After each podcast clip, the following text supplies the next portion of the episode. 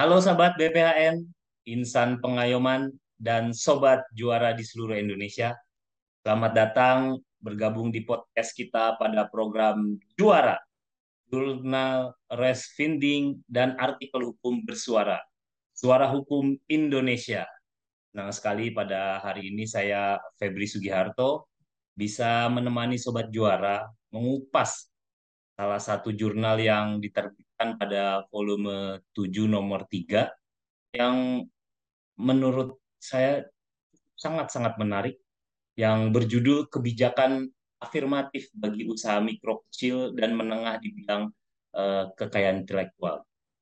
Tulisan ini sangat futuristik karena persoalan ini kemudian uh, dijawab oleh Undang-Undang Cipta Kerja serta peraturan pelaksanaannya baik dari sisi uh, peraturan UMKM-nya dengan adanya kemudahan kemudian apa semacam jemput bola pendaftaran kekayaan intelektualnya maupun dari sisi pembiayaan uh, pendaftaran yang kita mendengar uh, gratis. Oleh karena itu kita hadirkan langsung penulisnya sudah hadir bersama saya via Zoom penulis jurnal yang berjudul Kebijakan Afirmatif bagi Usaha Mikro Kecil dan Menengah di Bidang Kekayaan Intelektual, yaitu Bapak Dr. Eka Nam Sihombing.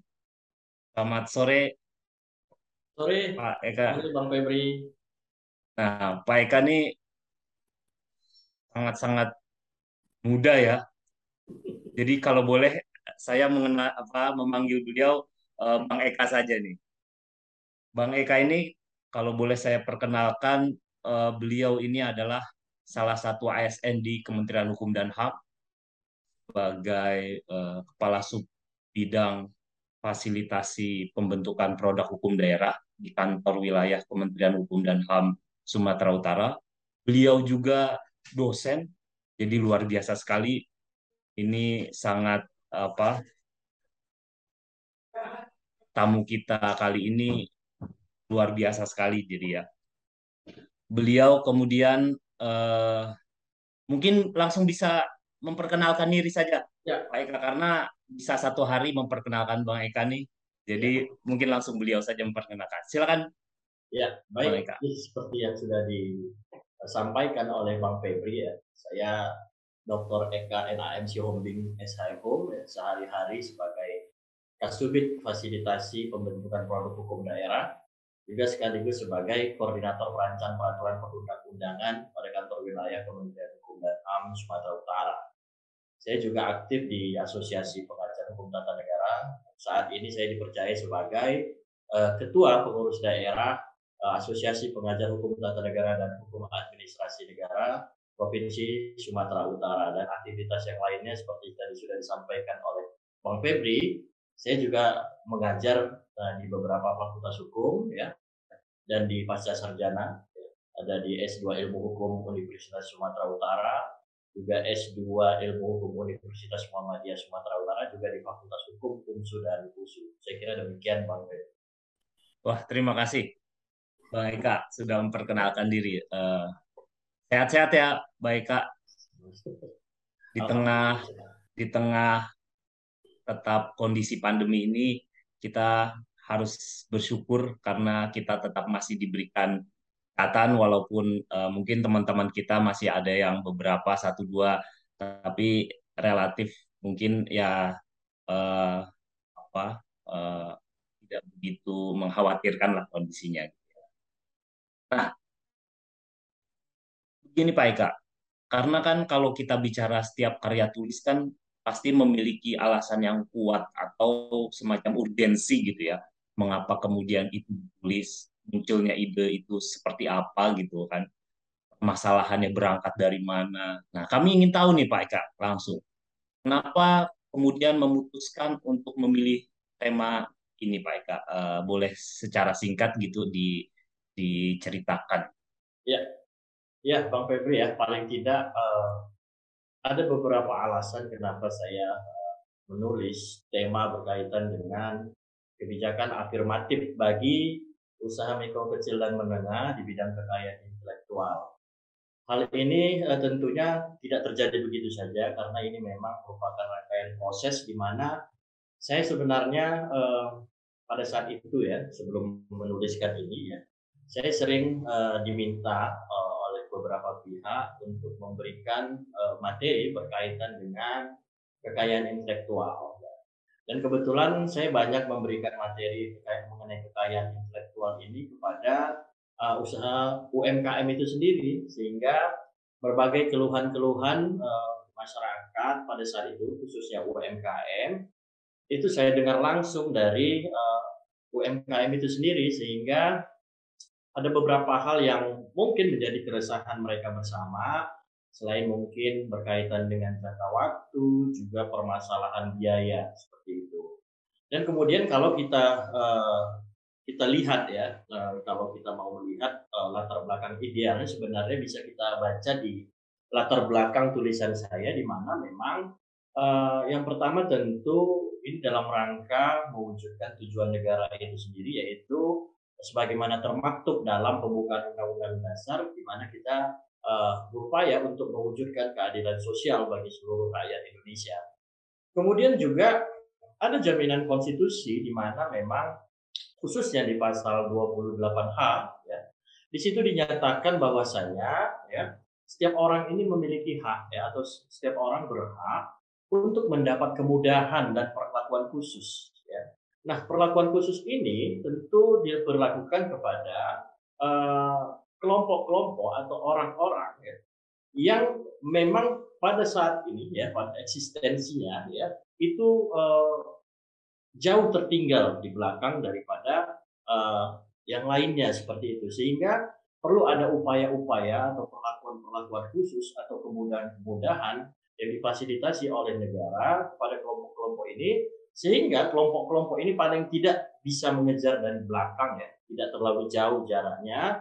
Sehingga pada akhirnya ya eh, kesetaraan atau keadilan sosial bagi seluruh rakyat Indonesia ini dapat terwujud dan kemudian tentunya uh, tulisan ini juga beranjak dari bahwasannya uh, kebijakan afirmatif dalam uh, bagi UMKM uh, di bidang kekayaan intelektual ini tentunya ini tidak lain sebagai salah satu upaya untuk menumbuh kembangkan iklim usaha ya. Jadi salah satunya misalnya dengan uh, fasilitasi kepemilikan hak kekayaan intelektual seperti itu. Ya.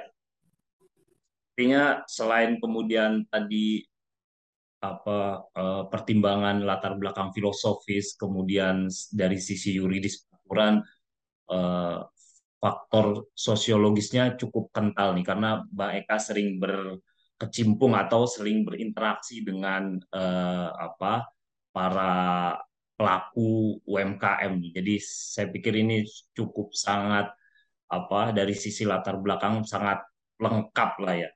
Nah, selanjutnya Pak Bang Eka, Eh, kira-kira sih apa sih sebetulnya yang dibahas yang kemudian menjadi topik utama gitu uh, Bang Eka di tulisan Bang Eka ini yang akan dibahas uh, yang ditu dituangkan dalam jurnal ini Bang Eka. Ya kita teaser ke penonton Bang. Ya. Jadi memang di awal seperti yang tadi saya katakan di latar belakang sudah sangat jelas sekali selain memang ini merupakan dalam rangka mewujudkan tujuan negara, kemudian ada jaminan konstitusi, dan bahkan sampai dengan menumbuh kembangkan perekonomian nasional ya tentunya uh, artikel ini berkisah ya bagaimana di awal ya di awal-awal setelah latar belakang itu saya menceritakan bahwasanya kenapa UMKM ini memang sangat layak diberikan fasilitasi-fasilitasi terutama di bidang kekayaan intelektual misalnya seperti itu. Uh, ini tentu tidak tidak begitu saja terjadi karena memang kita terbelakangi UMKM ini ya ini paling uh, kalau kita baca literatur-literatur ya ini paling tahan terhadap resesi ekonomi yang terjadi pada 98 ya paling tahan banting ya karena memang ber berbagai faktor di antaranya memang uh, UMKM ini rata-rata uh, dia mempekerjakan tenaga kerja lokal, kemudian dia fleksibel dalam hal uh, mengganti usahanya ketika misalnya usaha ini tidak maju, maka dia dapat dengan mudah beralih ya, beralih uh, core bisnisnya ya. Kemudian tentunya ya dari sisi permodalan juga ya UMKM ini karena memang dia mikro kecil menengah ini memang uh, kecil ya modal yang dibutuhkan juga tidak begitu besar sehingga dia tidak tidak tidak terlalu bergantung kepada misalnya uh, permodalan dari uh, pihak perbankan misalnya seperti itu.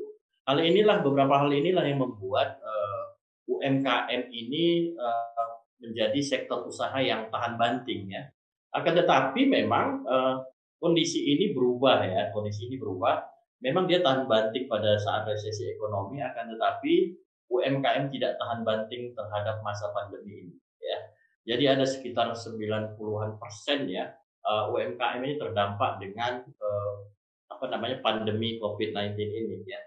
Uh, tapi memang pada saat itu alasan pandemi belum menjadi alasan pada uh, dalam artikel ini ya. Tetapi ini saya menceritakan saja bahwasanya memang dia tahan terhadap resesi ekonomi dan kemudian UMKM ini ya uh, mayoritas kontribusi persentasenya ya persentasenya ini dihasilkan oleh UMKM ya untuk pertumbuhan ekonomi di Indonesia sehingga uh, sangat tepatlah kiranya ya kita menumbuh kembangkan agar misalnya UMKM ini bersemangat untuk uh, naik kelas ya mungkin dari mikro bisa menjadi usaha kecil yang kecil bisa menengah menengah bisa menjadi besar nah tentu uh, untuk menaikkan kelas ini perlu upaya-upaya uh, dari negara terutama untuk memberikan fasilitasi-fasilitasi ya. Fasilitasi itu ya salah satunya dalam bentuk uh, apa namanya fasilitasi kepemilikan hak kekayaan intelektual.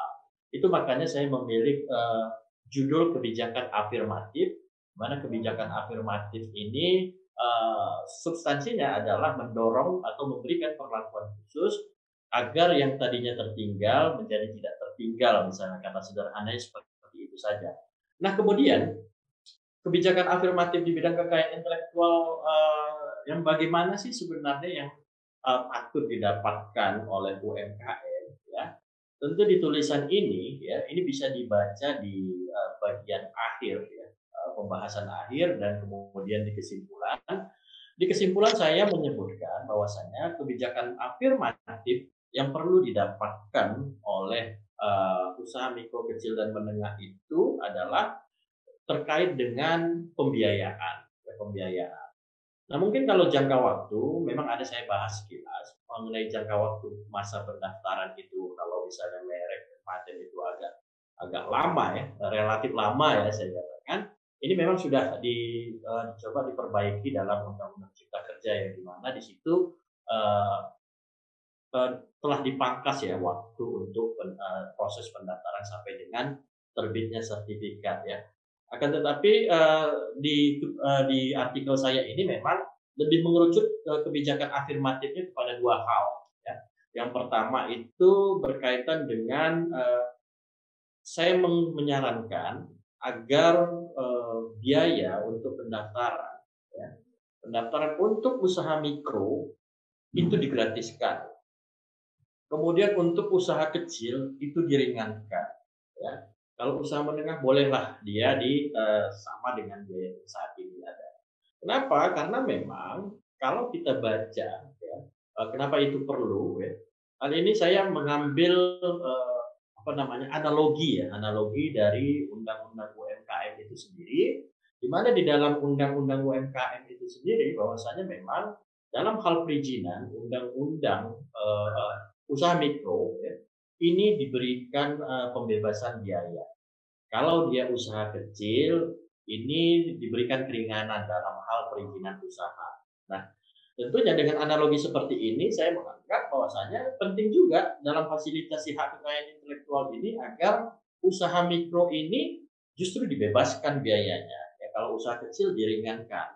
Memang ada ya program-program fasilitasi yang sudah ada uh, sebelum saya tuliskan ini ya banyak ya termasuk dari Direktorat Jenderal Kekayaan Intelektual sendiri. Dan kemudian pemerintah juga punya program-program ya. Dan kemudian uh, kebijakan dari Kementerian Hukum dan HAM sendiri terkait dengan PNBP memang untuk usaha mikro kecil dan menengah itu mendapatkan keringanan biaya.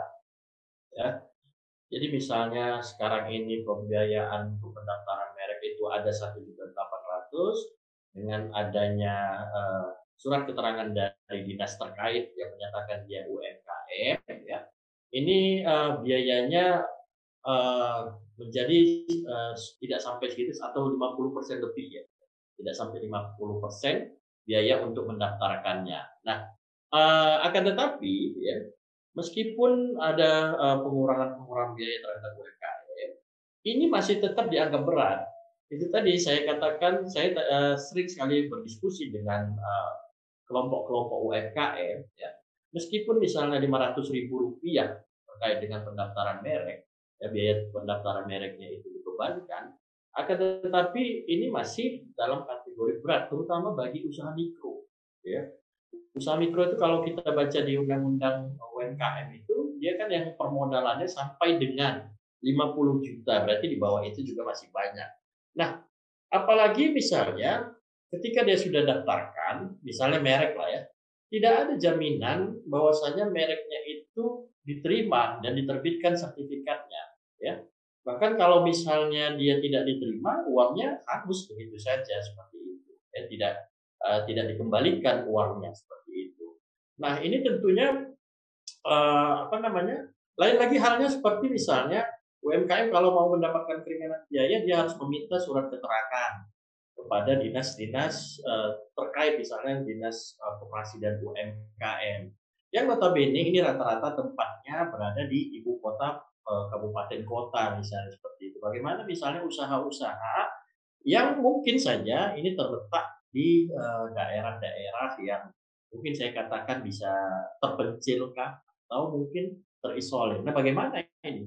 Kalau misalnya dia mau meminta surat keterangan misalnya seperti itu ya. Jadi uh, uh, hal inilah yang um, melatar belakangi saya membuat kesimpulan pertama bahwasanya memang dibutuhkan ya fasilitasi dalam hal ini membebaskan biaya kepada usaha mikro dan uh, memberi keringanan kepada usaha kecil. Kemudian uh, di uh, apa namanya di kesimpulan saya yang kedua dan ini juga menjadi saran juga ini um, meskipun di dalam undang-undang cipta, kemudian di undang-undang merek dan indikasi geografis dan paten ya. Pada saat itu sudah mulai membuka bahwasanya kekayaan intelektual itu dapat dijadikan sebagai jaminan ya pembiayaan dengan skema fidusia misalnya seperti itu ya. Nah, eh, ternyata permasalahannya tidak eh, tidak sesederhana itu. Memang saya cuma nyatakan bahwasanya perlu seluruh, seluruh bidang kekayaan intelektual itu dapat dijaminkan sebagai jaminan fidusia misalnya seperti itu. Akan tetapi ternyata apa yang saya utarakan itu tidak sesederhana di lapangan ya.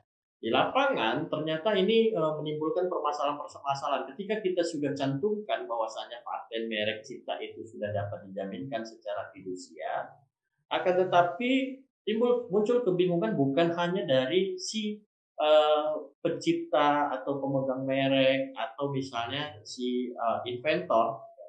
Akan tetapi juga kebingungan ini melanda pada lembaga-lembaga pembiayaan.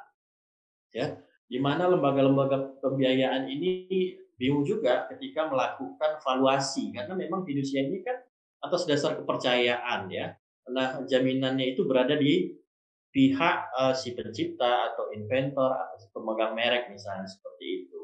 Nah ini bagaimana untuk menilai uh, suatu uh, karya intelektual ini, valuasinya bagaimana kan seperti itu ya.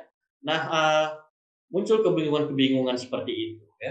Padahal memang uh, kenapa kita mencantumkan ya, uh, apa namanya kekayaan intelektual dapat dijadikan uh, jaminan fidusia ini karena memang selain memang ini uh, amanah dari uh, ada sebuah uh, apa namanya konferensi di mana di sidang ke-13 uh, UN Citral ya United Nations Commission of International Trade ya uh, trade law di mana pada saat tahun 2008 itu disepakati di salah satu komisinya di mana HKI itu dapat dijadikan jaminan fidusia misalnya seperti itu. Nah, uh, itu tadi uh, permasalahan-permasalahan kemudian muncul akan tetapi kita bisa bernapas sedikit lega ya apa yang saya sampaikan ya di artikel tersebut ya ternyata memang diakomodir oleh PP 44 tahun 2022 tentang pelaksanaan undang-undang ekonomi kreatif ya. Di mana di situ memang meskipun uh, di undang-undang dan di tataran undang-undang hanya undang-undang merek, paten dan cipta saja yang uh, menjadikan kekayaan intelektual bisa dijadikan jaminan fidusia. Akan tetapi di PP ini ini seluruh kekayaan intelektual itu bisa dijaminkan secara melalui skema fidusia misalnya seperti itu ya. Akan tetapi uh, saya sih um, uh, apa namanya berharap ya undang-undang lain di bidang kekayaan intelektual juga mencantumkan secara eksplisit bahwasanya itu dapat dijaminkan secara fidusia ya. Nah, kemudian di PP 24 eh, tahun 2022 ini ya saya juga sangat senang sekali karena memang kebingungan-kebingungan lembaga pembiayaan berkaitan dengan valuasi kekayaan intelektual ini ya ini kemudian uh, sudah didesain sedemikian rupa di dalam PP ini di mana di situ uh, pemerintah dalam hal ini ya uh, menyalurkan pembiayaan itu kepada lembaga-lembaga pembiayaan ya.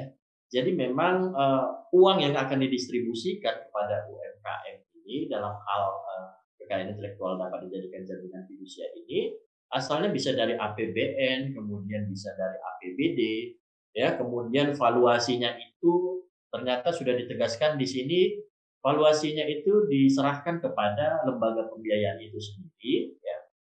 Kemudian, nah ini juga ada yang uh, saya beberapa waktu yang lalu agak tergelitik dengan uh, tanggapan dari salah satu peserta ya.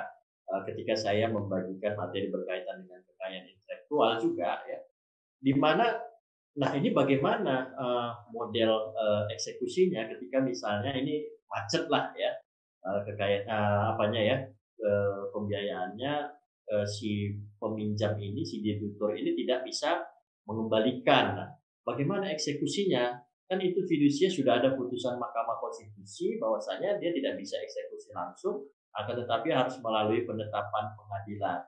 Dan kemudian yang dieksekusi itu kan namanya ini kan benda tak berwujud misalnya seperti itu. Nah, apanya? Apakah sertifikatnya misalnya? Sertifikat yang dieksekusi buat apa? Ya, buat apa di, uh, lembaga pembiayaan tidak begitu butuhkan ketika itu dieksekusi tidak bernilai apa-apa misalnya seperti itu ya.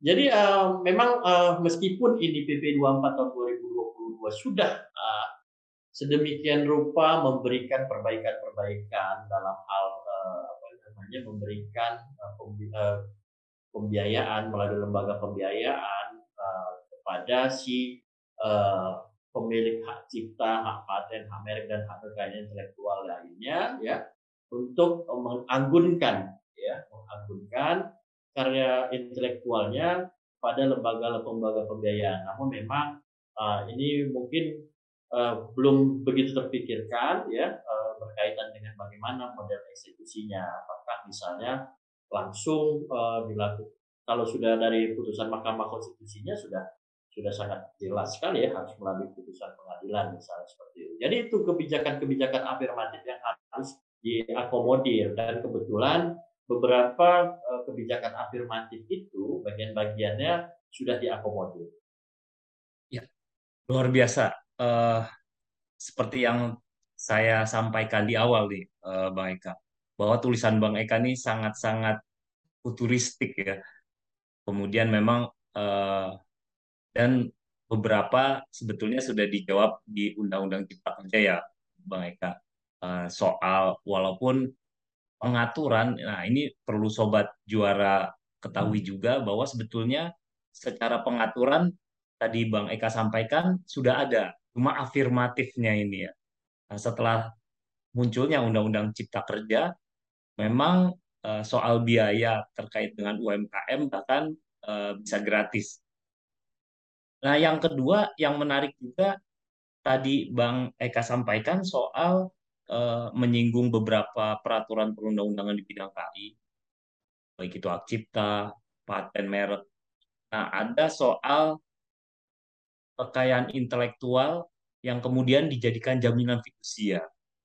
Memang ini di Undang-Undang Merek ada amanat sebetulnya baik untuk menyusun peraturan pemerintah mengenai mekanisme eh, bagaimana kemudian kekayaan intelektual merek terutama saat kemudian menjadi sebuah jaminan dari uh, fidusia. Apa yang tadi Mbak Eka sampaikan. Nah, tapi ada poin khususnya kira-kira Bang Eka. Setelah uh, tulisan Bang Eka di 2018 ini, kira-kira apa sih yang belum terjawab gitu ya Bang Eka? Walaupun kita tadi sampaikan Bang Eka soal Undang-Undang Cipta Kerja sudah ada afirmatifnya, eh, program-program pemerintah yang sangat masif, yang kedua kemudian PP 44 tahun 2022 eh, yang walaupun turunan dari Undang-Undang Parekraf gitu ya, Bang Eka. Tapi kira-kira ada nggak sih Bang Eka eh, poin-poin atau hal-hal yang sebetulnya nih masih belum terjawab gitu ya setelah dua tahun, udah empat tahun malah perjalanan masih belum terjawab nih, eh, Mbak Eka. Ya, Ya, jadi seperti yang saya sampaikan tadi dari kedua kesimpulan saya dan saran yang saya berikan itu, ya, uh, kalau berkaitan dengan fidusia sudah sedikit, bukan sedikit, sudah sedikit, hampir seluruhnya apa yang saya sampaikan di uh, khususnya di bagian fidusia tadi, ya, jaminan fidusia tadi sudah sudah terjawab melalui undang-undang uh, merek cipta paten dan kemudian di PP 24 tahun 2022 akan tetapi mungkin ada saran saya yang memang belum uh, terakomodir ya. Seperti yang saya katakan tadi, usaha mikro itu seyogianya dibebaskan biayanya untuk fasilitasi untuk pendaftaran kekayaan intelektual. Jadi satu-satunya ya kalau kita bicara dari tulisan saya ya, satu-satunya yang belum terakomodir itu yaitu tadi seperti itu untuk usaha mikro ya. Nah mungkin ini juga sebagai uh, untuk sobat juara juga ya uh, karena memang apa yang saya sampaikan di tulisan saya itu ya bahwasanya diperlukan seluruh undang-undang uh, yang berkaitan dengan kekayaan intelektual itu perlu menegaskan bahwasanya kekayaan intelektual itu dapat dijadikan jaminan fidusia ya. Kita kan uh, tulisan saya kan cuma sampai di situ ya. Namun permasalahan-permasalahan uh, pembiayaan fidusia itu dalam hal ini berkaitan dengan kekayaan intelektual, ini kan perlu dieksplor lebih lanjut ya. Tentu ini di uh, bagi eh, rekan-rekan ya ini mungkin kesempatan baik sekali untuk mengekspor. Salah satunya misalnya berkaitan dengan bagaimana mekanisme eksekusi ya uh, kemudian apakah yang di apa yang di, akan dieksekusi ketika misalnya terjadi one prestasi dalam hal pembiayaan misalnya seperti itu ini sangat menarik sekali saya kira ya Uh, baik Kak, mungkin agak sedikit uh, keluar gitu ya Bang Eka. Ini terkait dengan isu kekayaan intelektual komunal. Ini terkait sekali dengan kemudian eh, UMKM ya. Karena kita ketahui kalau KIK ini, kekayaan intelektual komunal ini diri dari pengetahuan tradisional, ekspresi budaya tradisional, sumber daya genetik ya, dan potensi indikasi geografis. Karena kita tahu isu-isunya uh, seperti kopi Toraja ya, kalau lagi zaman zamannya kopi nih, baik. Kopi Toraja itu tidak bisa kemudian UMKM di sana mendaftarkan karena sudah ada uh, indikasi geografisnya. Bahkan kemudian uh, obat-obat tradisional, jamu gitu ya sudah. Bahkan kalau kita bicara uh, dulu-dulu lagi soal tempe, bahkan sudah dipatenkan. Nah ini ini suatu hal yang uh, terkait lagi Bang Eka. Mungkin kira-kira uh, ada hubungannya afirmatifnya dengan uh, kekayaan intelektual komunal ini atau mungkin Bang Eka perlu menulis lagi lebih lanjut soal KIK ini silakan Bang Eka. Uh, kalau kekayaan intelektual komunal ini ya yang uh, menggunakan sistem pendaftaran itu adalah indikasi geografis ya. Untuk misalnya uh, ekspresi budaya tradisional ya kemudian uh, pengetahuan tradisional itu kan kepemilikannya adalah negara. Ya. Kalau untuk pengetahuan tradisional ini uh, sudah diatur juga sedemikian rupa pada undang-undang paten, di mana uh, ketika inventor ya, uh, dalam invensinya itu menggunakan uh, salah satu apanya ya bagiannya itu menggunakan pengetahuan tradisional atau berasal dari pengetahuan tradisional, dia harus menyebutkan di deskripsi patennya ya ketika dia mau mendaftarkan bahwasanya salah satu bagiannya ini merupakan uh, bagian dari pengetahuan tradisional dari daerah mana misalnya seperti itu. Dia harus menyebutkan. Kalau di Undang-Undang Merek dan Indikasi Geografi sendiri, ya, uh, ini berkaitan dengan uh, kalau indikasi geografis memang uh, sistemnya sudah sangat baik sekali ya sistem perlindungannya karena memang apalagi indikasi geografis ini sudah disatukan ya undang-undangnya dengan merek ya merek dan indikasi geografis. Nah kemudian berkaitan dengan ekspresi budaya tradisional misalnya. Nah uh, dalam hal uh, ekspresi budaya tradisional ya, nah ini negara ya perannya adalah melakukan inventarisasi ya, kemudian melakukan penjagaan atau menjaga dan kemudian melakukan pemeliharaan atau memelihara ekspresi budaya tradisional itu ya. Jadi uh, kalau dari ke, beberapa bidang kekayaan intelektual komunal tadi memang yang model uh, yang ada model pendaftarannya ya yang sudah sangat apa ya sudah sangat baik sekali itu adalah indikasi geografis ya. Di mana memang uh, indikasi geografis ini didaftarkan melalui kelompok-kelompok ya. Bisa melalui kelompok-kelompok uh, komunal tertentu atau misalnya bisa juga didaftarkan oleh pemerintah daerah. Karena indikasi geografis itu seperti misalnya kopi gayo ya. Kemudian ada eh, apa lagi? Eh, seperti dikatakan Bang Febri tadi karena memang Bang Febri ini merupakan penikmat kopi ya. Jadi tahu jenis-jenis. Kalau saya memang nggak banyak tahu jenis-jenis kopi. Jadi yang saya tahu yang kopi gayo bisa seperti itu ya, ya. jadi kalau ya, yang selebihnya itu kalau pengaturan mengenai kekayaan intelektual komunal itu uh, tidak sama model pendaftarannya dengan uh, pendaftaran merek, indikasi geografis dan bidang-bidang kekayaan intelektual lain. Baik, baik, baik, baik, baik kak. Kita tunggu tulisannya eh, teman-teman sobat juara juga menunggu baik kak tulisannya terkait nanti KIK komunal karena ini isu yang uh, mencuat dalam bidang kekayaan intelektual, terutama belakangan ini ya, baik. Nah, baik kak, kita pengen tahu nih uh, tulisan Bang Eka ini kira-kira selain kemudian uh, akademisi di bidang hukum, mahasiswa yang pastinya membuat tulisan skripsi atau tesis, jurnal ini cocok untuk dibaca siapa saja sih, Bang Eka? Saya kira artikel ini cocok dibaca oleh siapa saja, ya dan tidak mesti juga uh, jenjang pendidikan itu menentukan uh, dia uh, dia layak membaca ini atau tidak. Karena untuk usaha UMKM itu sendiri, ya sebenarnya pemiliknya itu uh, bervariasi juga jenjang pendidikannya seperti itu ya. Saya kira selain UMKM, ya, kemudian masyarakat, masyarakat luas juga bisa. Ya. Bahkan ini uh, masyarakat sangat disarankan sekali untuk membacanya sehingga Eh, dengan membaca ini dapat mendorong hal-hal apa saja yang belum terpenuhi misalnya dalam artikel ini. Begitu juga uh, pemangku-pemangku kepentingan. Saya kira seluruh elemen masyarakat yang ada di Indonesia ini saya kira tepat untuk membaca artikel ini. Baik, baik Kak. Luar biasa. Sekali lagi terima kasih uh, Bang Eka. Kita tunggu karya-karya jurnal hukum yang Bang Eka ini termasuk salah satu penulis yang sangat-sangat aktif menelorkan karya-karya jurnal hukum. Uh, dan kami siap untuk bahas dan publikasikan uh, seluas-luasnya dalam kesempatan yang akan datang. Well, demikianlah program kita pada episode juara kali ini.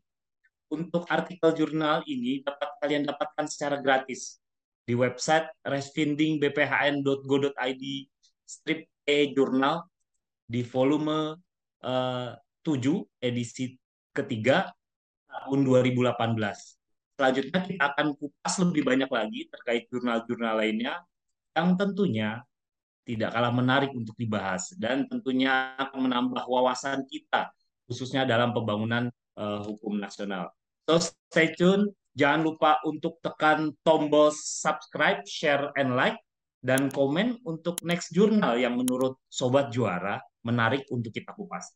Saya Febri Sugiharto mewakili teman-teman uh, jurnal juara yang bertugas mengucapkan terima kasih. Sampai jumpa di podcast Jurnal Hukum Bersuara lainnya. And have a great day, Sobat Juara. Terima kasih Bang Eka. Teman-teman. Bang Febri.